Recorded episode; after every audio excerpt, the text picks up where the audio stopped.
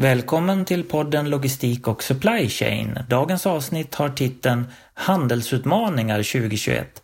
Brexit, tull och den globala handeln. Avsnittet sponsras av Descartes Systems.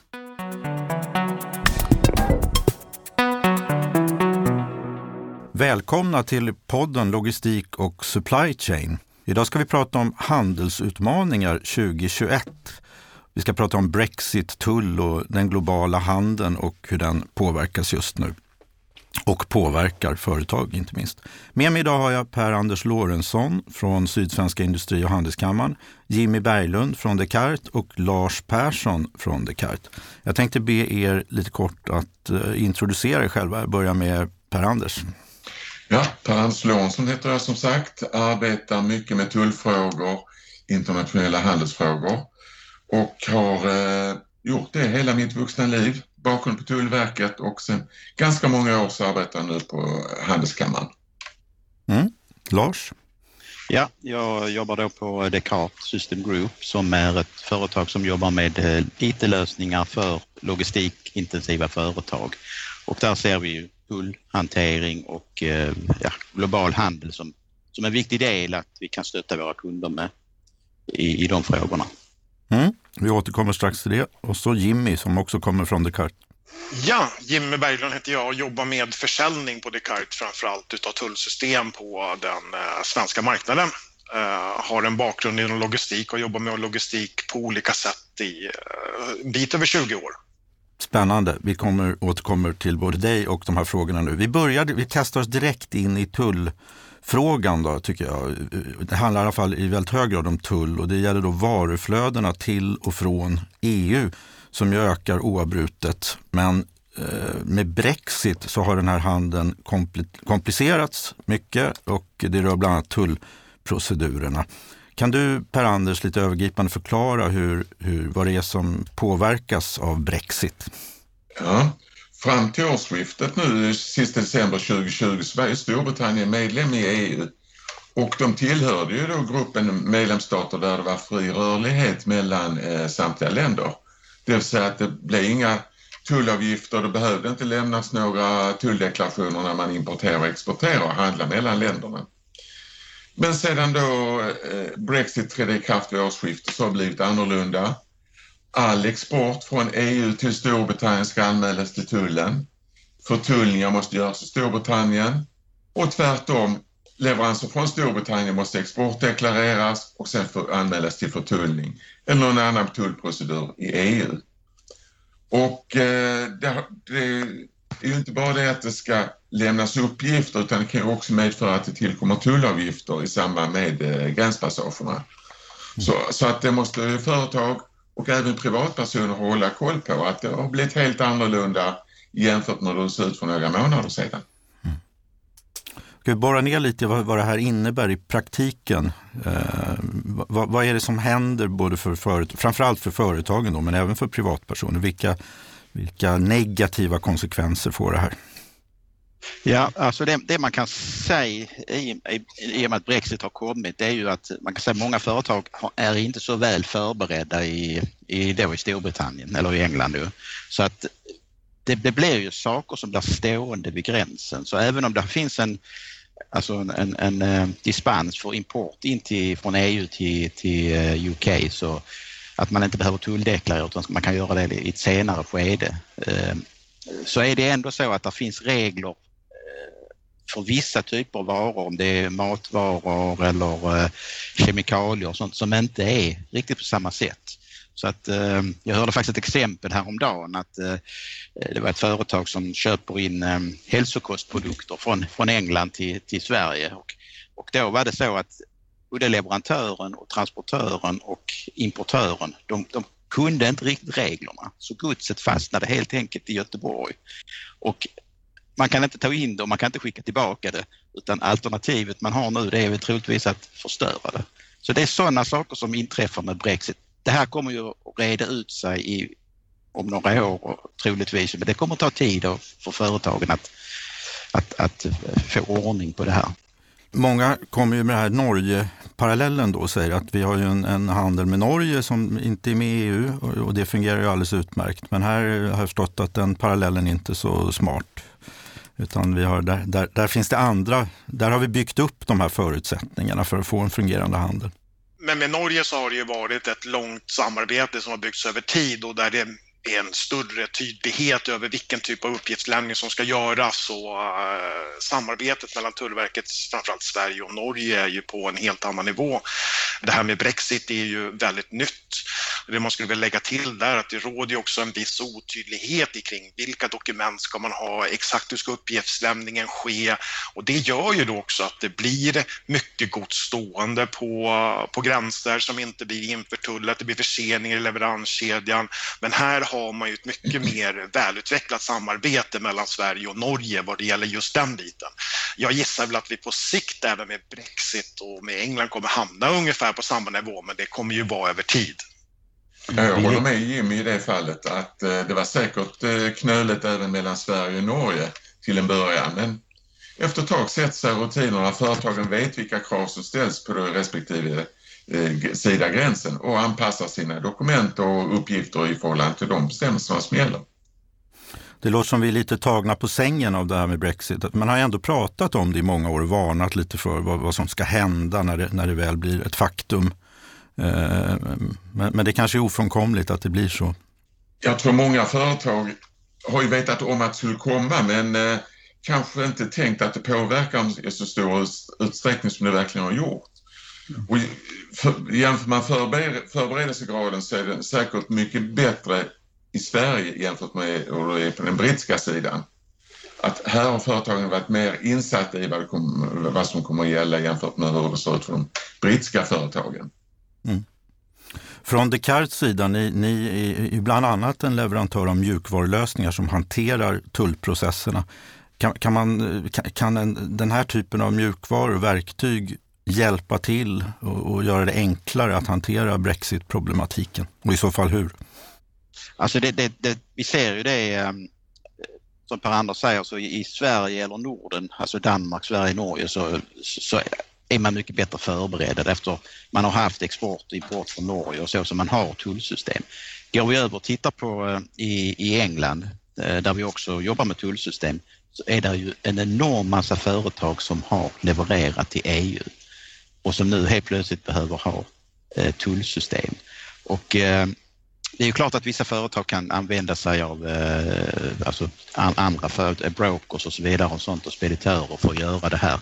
Men det blir ju en väldigt kostsam process. Med ett eget tullsystem så tar man ju kontrollen över, eh, över sina kostnader på, på ett helt annat sätt. Och, och, man ska ju veta det att det är ju alltid exportören och importören som är ansvarig oavsett vem som gör eh, tulldeklarationerna. Så, alltså, så man, man får liksom en säkerhet i det då. Kan man ge mer exempel där Jimmy på hur, hur tullsystemen så att säga, hjälper till att, att hantera det här lite mer hands-on för oss som inte är tullsystemexperter? Ja, men det är precis som Lars är inne på. Alltså, som deklarant så är man ju naturligtvis ytterst ansvarig för den uppgiftslämning man gör till Tullverk. Men det vi ser också, det är väl att vi på sikt här med Brexit ska kunna jobba likt som vi gör med eh, med Norge, att eh, många företag i Sverige som exporterar till Norge sköter även sin egen införtullning i Norge utifrån Sverige. Och då baserar man det på den svenska exporten och vad vi kallar i, inom våran sfär då, så gör man en törn. Man alltså återanvänder informationen från sin svenska export och skapar en norsk import utav den. Och här ser vi på sikt att man även skulle kunna eh, göra en liknande sak även för eh, Storbritannien och på så sätt enklare då kunna hantera sitt importflöde till exempel in till Storbritannien och få en mer automatiserad process i sin tullhantering med den informationen man redan har. Mm. Kan man säga någonting om man får vara lite frågvis om, om hur ni, er efterfrågan på era system, tullsystem påverkas av det här, i, framförallt i England då, men även här? Mm. Eh, alltså om, vi, om vi ser i Sverige så är ju efterfrågan i, eh, i stort sett samma som tidigare. Alltså, de flesta företag i Sverige som har gjort eh, export-import, de har någon form av tullsystem. Men, men man kan säga i, ehm, i England så har det exploderat. Alltså vi, vi får 20-30 kund, nya kunder varje vecka mm. som ska ha tullsystem. Och det är ju allt från små till, till lite större kunder men, men Eh, men det har exploderat och likadant för vår verksamhet i, verksamhet i Benelux-länderna så har det ju mm. också, eh, både Belgien och Holland är ju två stora alltså, länder med hamnar som för mycket gods över till England. Hur hanterar man en sån explosion? Är det, för det, det är ju implementeringar och utbildning och allt möjligt. Är det... Alltså vi, vi har ju förberett, förberett oss ganska länge och, och eh, alltså rampat upp våra resurser så att vi så ingen ska, liksom, så ingen ska komma i kläm. Dessvärre kan vi väl säga att många kunder är eh, sent på det och eh, det var ju liksom, man kan säga den det värsta, eh, alltså, efterfrågan började i julveckorna.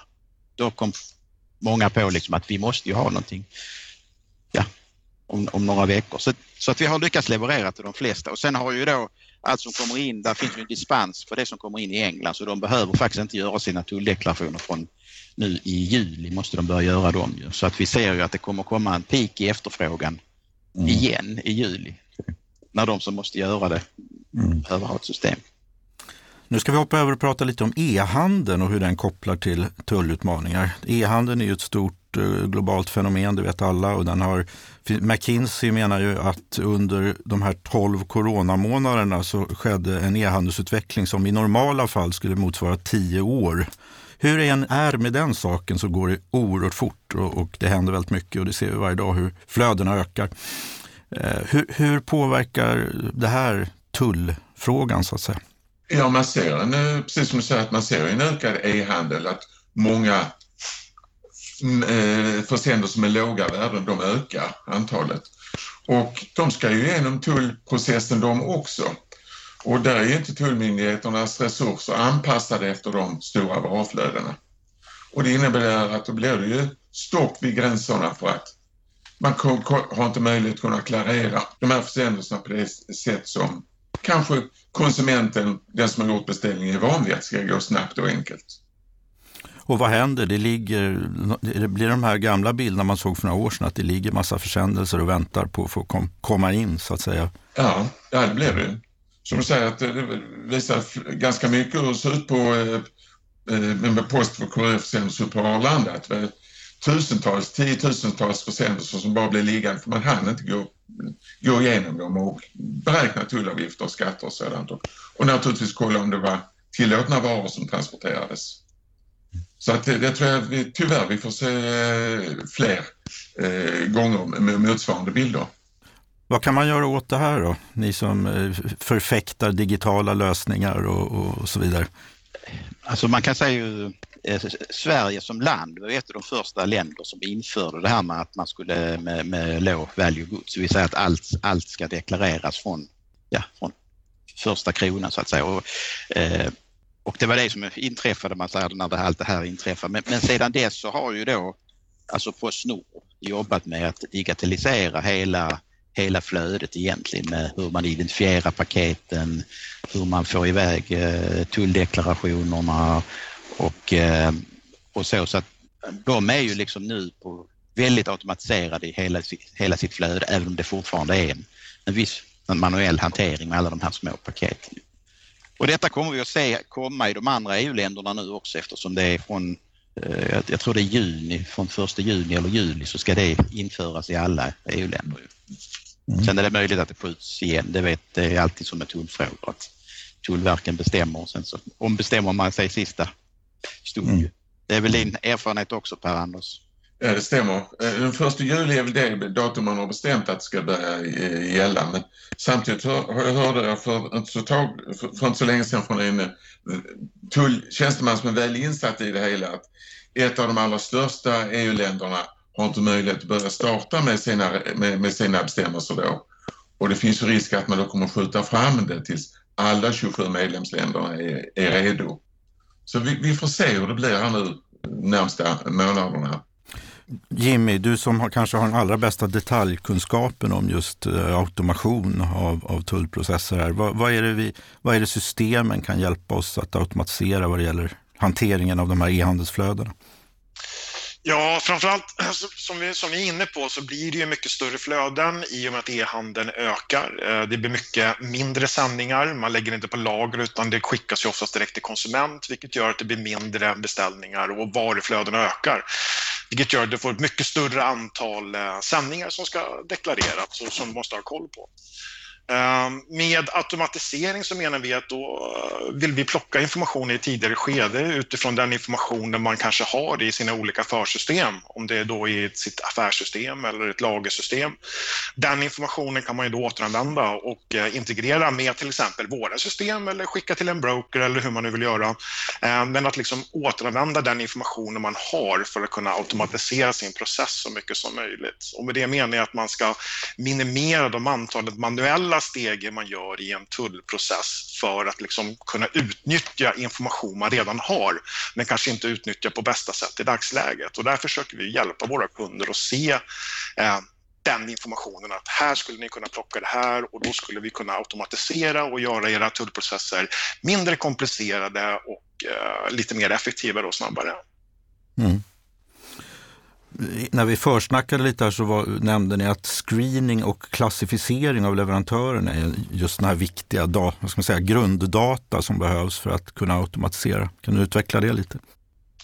Ja, alltså screening och klassificering, eh, det är lite två olika saker. Klassificering försöker vi också eh, med stöd då utifrån vissa system vi har hjälpa våra kunder med sin klassificering och hålla koll på hur man har klassificerat sina varor och varför man har klassificerat på det sättet.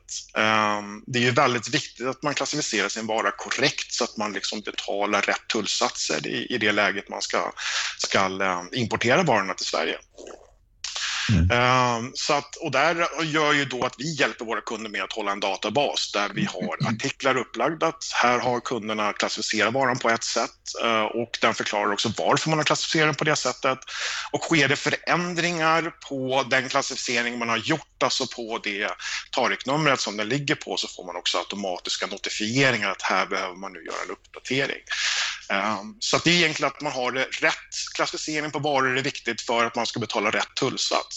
Ehm, och där går det ju, det finns ju exempel hur man kan klassificera på olika sätt, till exempel om man ska titta på en, eh, en soundbar, om det är en playback device eller om det är en musikanläggning och beroende på hur den ligger i tullsats så kan det skilja. Så att det är väldigt viktigt att man har kontroll på att vad det är för varor man gör och varför vi klassificerar det på det sättet och kunna ha en tydlighet i det och spårbarhet och visa att så här har vi klassificerat varan och det är av den här anledningen vi har klassificerat den på det här sättet.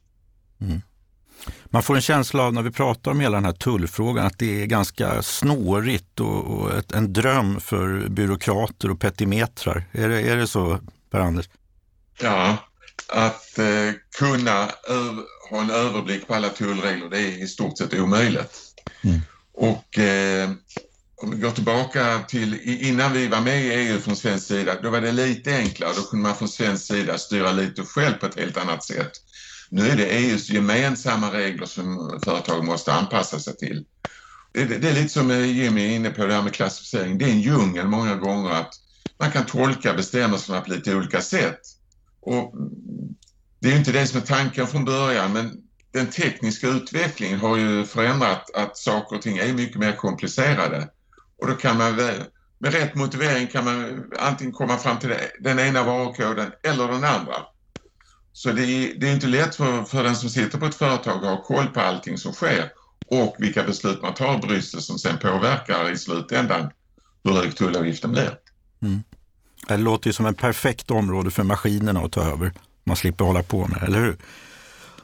Om vi lyfter blicken lite grann och tittar på andra globala handelsutmaningar, de här spännande geopolitiska, flera av dem eh, och annat. Eh, vad, vad, tror, om jag börjar med den här frågan, nu, nu har vi sett en, eh, upplevt en pandemi här som har pågått i ett drygt år och vi ser ju ljuset i tunneln men den kommer påverka eh, världshandeln ytterligare ett tag, eventuellt. Eh, hur, och vi har sett eh, handelskrig, eller åtminstone konflikter här under de senare åren. Långsiktigt, kommer det här liksom dämpa världshandeln? Vad, vad tror du eh, Per-Anders som har det, kanske mest det här makroperspektivet av oss? Ja, eh, det är väl risk för, kanske inte långsiktigt, men några år till så kommer vi säkert att märka av effekterna av pandemin.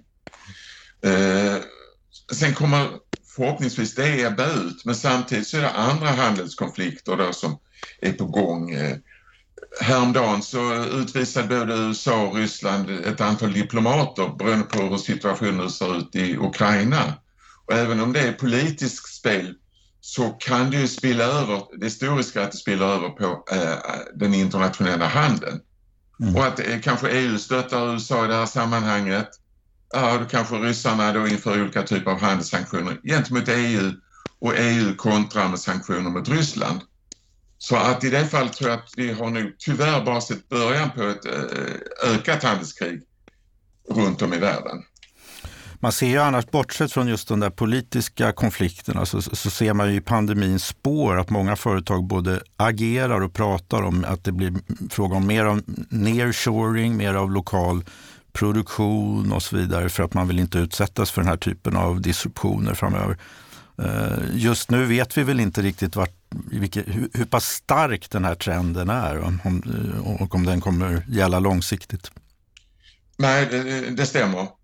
Men man, man bör väl bli observant på att man kanske ska plocka hem tillverkning, lägga den närmre Sverige, närmre Europa än vad man har haft hittills. Mm. Man blev väl också lite uppmärksammad på det som skedde nu för några veckor sedan nere i Suezkanalen, hur det här stora fartyget blockerade trafiken. Mm. Att eh, det har ingenting med handelshinder och handelskrig att göra, men ändå att eh, det kan ju hända igen och att man då får fundera på hur man då ska så att säga, eh, ha reservlösningar om det skulle dyka upp något liknande eller något som kanske är ännu värre under en längre period som står helt och hållet blockerar Suezkanalen under mycket längre tid. Mm. Ja, sårbarheten har ju blivit väldigt tydlig i de här händelserna som vi har nämnt här. Några Ja, som du säger, jag tror pandemin har visat liksom på sårbarheten i varuflödeskedjorna. Att man har haft väldigt långa varuflödeskedjor med, alltså från olika länder som varit starkt beroende av varandra. Och det kunde man se i början på pandemin att det blev tydligt för många företag att det kanske inte var, eh, alltså kostnadseffektivt kanske det var, men det var kanske inte så bra i förhållande till att kunna hålla uppe produktion och så vidare. Per-Anders, det, det, är inte bara det här med tullavgifter, det monetära så att säga, utan det finns andra saker som, som kan hända i spåren på handelstvister och handelskonflikter. Ja, det stämmer. Man pratar ofta om det här med icke-tariffära handelshinder. Andra typer av begränsningar som man då sätter upp för att göra det lite svårare, eller mycket svårare i en del fall, att göra affärer. Och det kan ju vara en form av att man eh, kräver att varor måste genomgå olika typer av eh, certifieringar och godkännande innan de får lov att importeras. Krav på importtillstånd och, eller att företag måste registrera sig i andra länder också för att eh, importen ska få sköt av specifika varor. Mm. Och det tror jag också vi kommer att se mer, med att, eh, se mer av. En, inte bara att avgifterna höjs och att skatter läggs på med utan andra former av svårigheter när det gäller internationell handel. Mm. Är det här, har vi någon hjälp av Descartes tullsystemlösningar när det gäller den här typen av frågor eller är det, hamnar det liksom i en annan dimension? Ja, det, det både ja och nej. Alltså, vi har ju koll på licenser och tillstånd och sånt i våra system som kunder har. Eh, däremot så där vi mer går in och kan hjälpa till, Eh, kanske inte i tullsystem, men vi har ju eh, andra affärsområden inom Descartes. Det är ju framförallt att hjälpa kunder att hitta lite mer eh, högre perspektiv på vart man köper sina varor ifrån beroende på hur handelsavtal ser ut. Till exempel om man köper en specifik vara från, från Kina idag så vill man till exempel köpa den i Indien för man tycker att det är ett billigare sätt att beställa den från. Så det är inte säkert att handelsavtalen är byggda på så sätt att varan i slutändan blir billigare när den landar i Sverige för att tullavgifterna ser helt annorlunda ut, vilket gör att bara för att den är billigare i inköpsvärde så behöver det inte bli att den är billigare i, eh, i landed cost så att säga när den är införtullad i Sverige. Så där eh, vill vi komma in och hjälpa företag att ta beslut på till exempel var köper vi en vara och vad gör vi det på bästa sätt och vad är mer kostnadseffektivt för oss att göra det. Och även i en förlängning titta på företag som kanske vill förlägga produktion i något land. Vad är det bäst för oss att lägga den här produktionen beroende på handelsavtal, tillstånd och sådana, sådana saker som då behövs i en förlängning och som också då innebär kostnader för företag. Mm. Jag tänkte be er, nu har vi, nu har vi pratat en stund om, om Brexit och hur det påverkar tullprocesser eh, och försvårar och komplicerar på olika sätt. Vi har pratat om e-handel och tullutmaningar och vi har även pratat om en del andra eh, stora ha, eh, handelsutmaningar som, som olika typer av handelskonflikter och så vidare. Men kan vi, om vi ska börja här sammanfatta lite kan man ge några goda råd till de svenska bolag som, som, eh, som nu sitter och funderar på hur man på ett bättre sätt ska ta tag i det här med tullfrågan. Jag antar att det kan se väldigt olika ut i, i olika företag, men, men, finns det några generella råd hur man skulle kunna så att säga, öka sin, sin eh, beredskap och, och eh, förbättra sin hantering av det här? Om jag får börja så har ju tullfrågor tyvärr haft ganska låg status ute på företagen. Men jag tror att eh, på grund av, eller tack vare om man nu ska se det, Brexit och eh, eh, Trump-administrationens tullhöjningar så har de här frågorna kommit upp på eh, för många företagsledningar att det här är en fråga vi måste tänka på och som vi måste förbereda oss inför. Och lite som eh, Jimmy var inne på, kanske titta på var, var ska vi köpa varan ifrån? Det är kanske inte så lämpligt att köpa det från landet X längre, lämpligare att välja landet Y för att totalt så blir det en lägre totalkostnad. Så en mycket mer ett, ett, man måste ta, ta sig an frågan på, på högre nivå i företagen och man måste ha ett aktivt förhållningssätt till det här, låter det som då, i sammanfattning. Absolut. Mm. Ja. Ni andra, har ni några sådana här tankar? Ni får inte säga att man ska köpa ett tullsystem från Descartes, utan Utan är det, är det, alltså, finns det några generella råd? Hur tar man, hur tar man liksom tag i frågeställningen om man känner sig lite villrådig? Så det är ju som du var inne på också där, att det är ju en ganska byråkratisk värld och invecklat och svårt att liksom ta sig an informationen. Det är väl kanske att försöka hitta vägar längre fram att eh, tillgängliggöra informationen på ett mer enkelt och mer förståeligt sätt. Eh, för i dagsläget så upplever många företag att det är väldigt byråkratiskt och väljer därför att inte ta eh, kanske det ansvaret man borde göra i vissa lägen, eh, utan man liksom vill lämna över det på någon annan. Så att, där skulle ju ett önskemål vara att man gör det lite mindre byråkratiskt, lite mer lättförståeligt för att liksom öka kunskapen ute hos företagen och liksom kunna ta hand om sin egen tull på, på ett helt annat sätt än vad man gör idag. Tack så mycket Per-Anders Lorentzon, Jimmy Berglund och Lars Persson för ett mycket intressant samtal om handelsutmaningar kopplat till Brexit, tull och den globala handeln. Tack så mycket. Tack, tack. tack.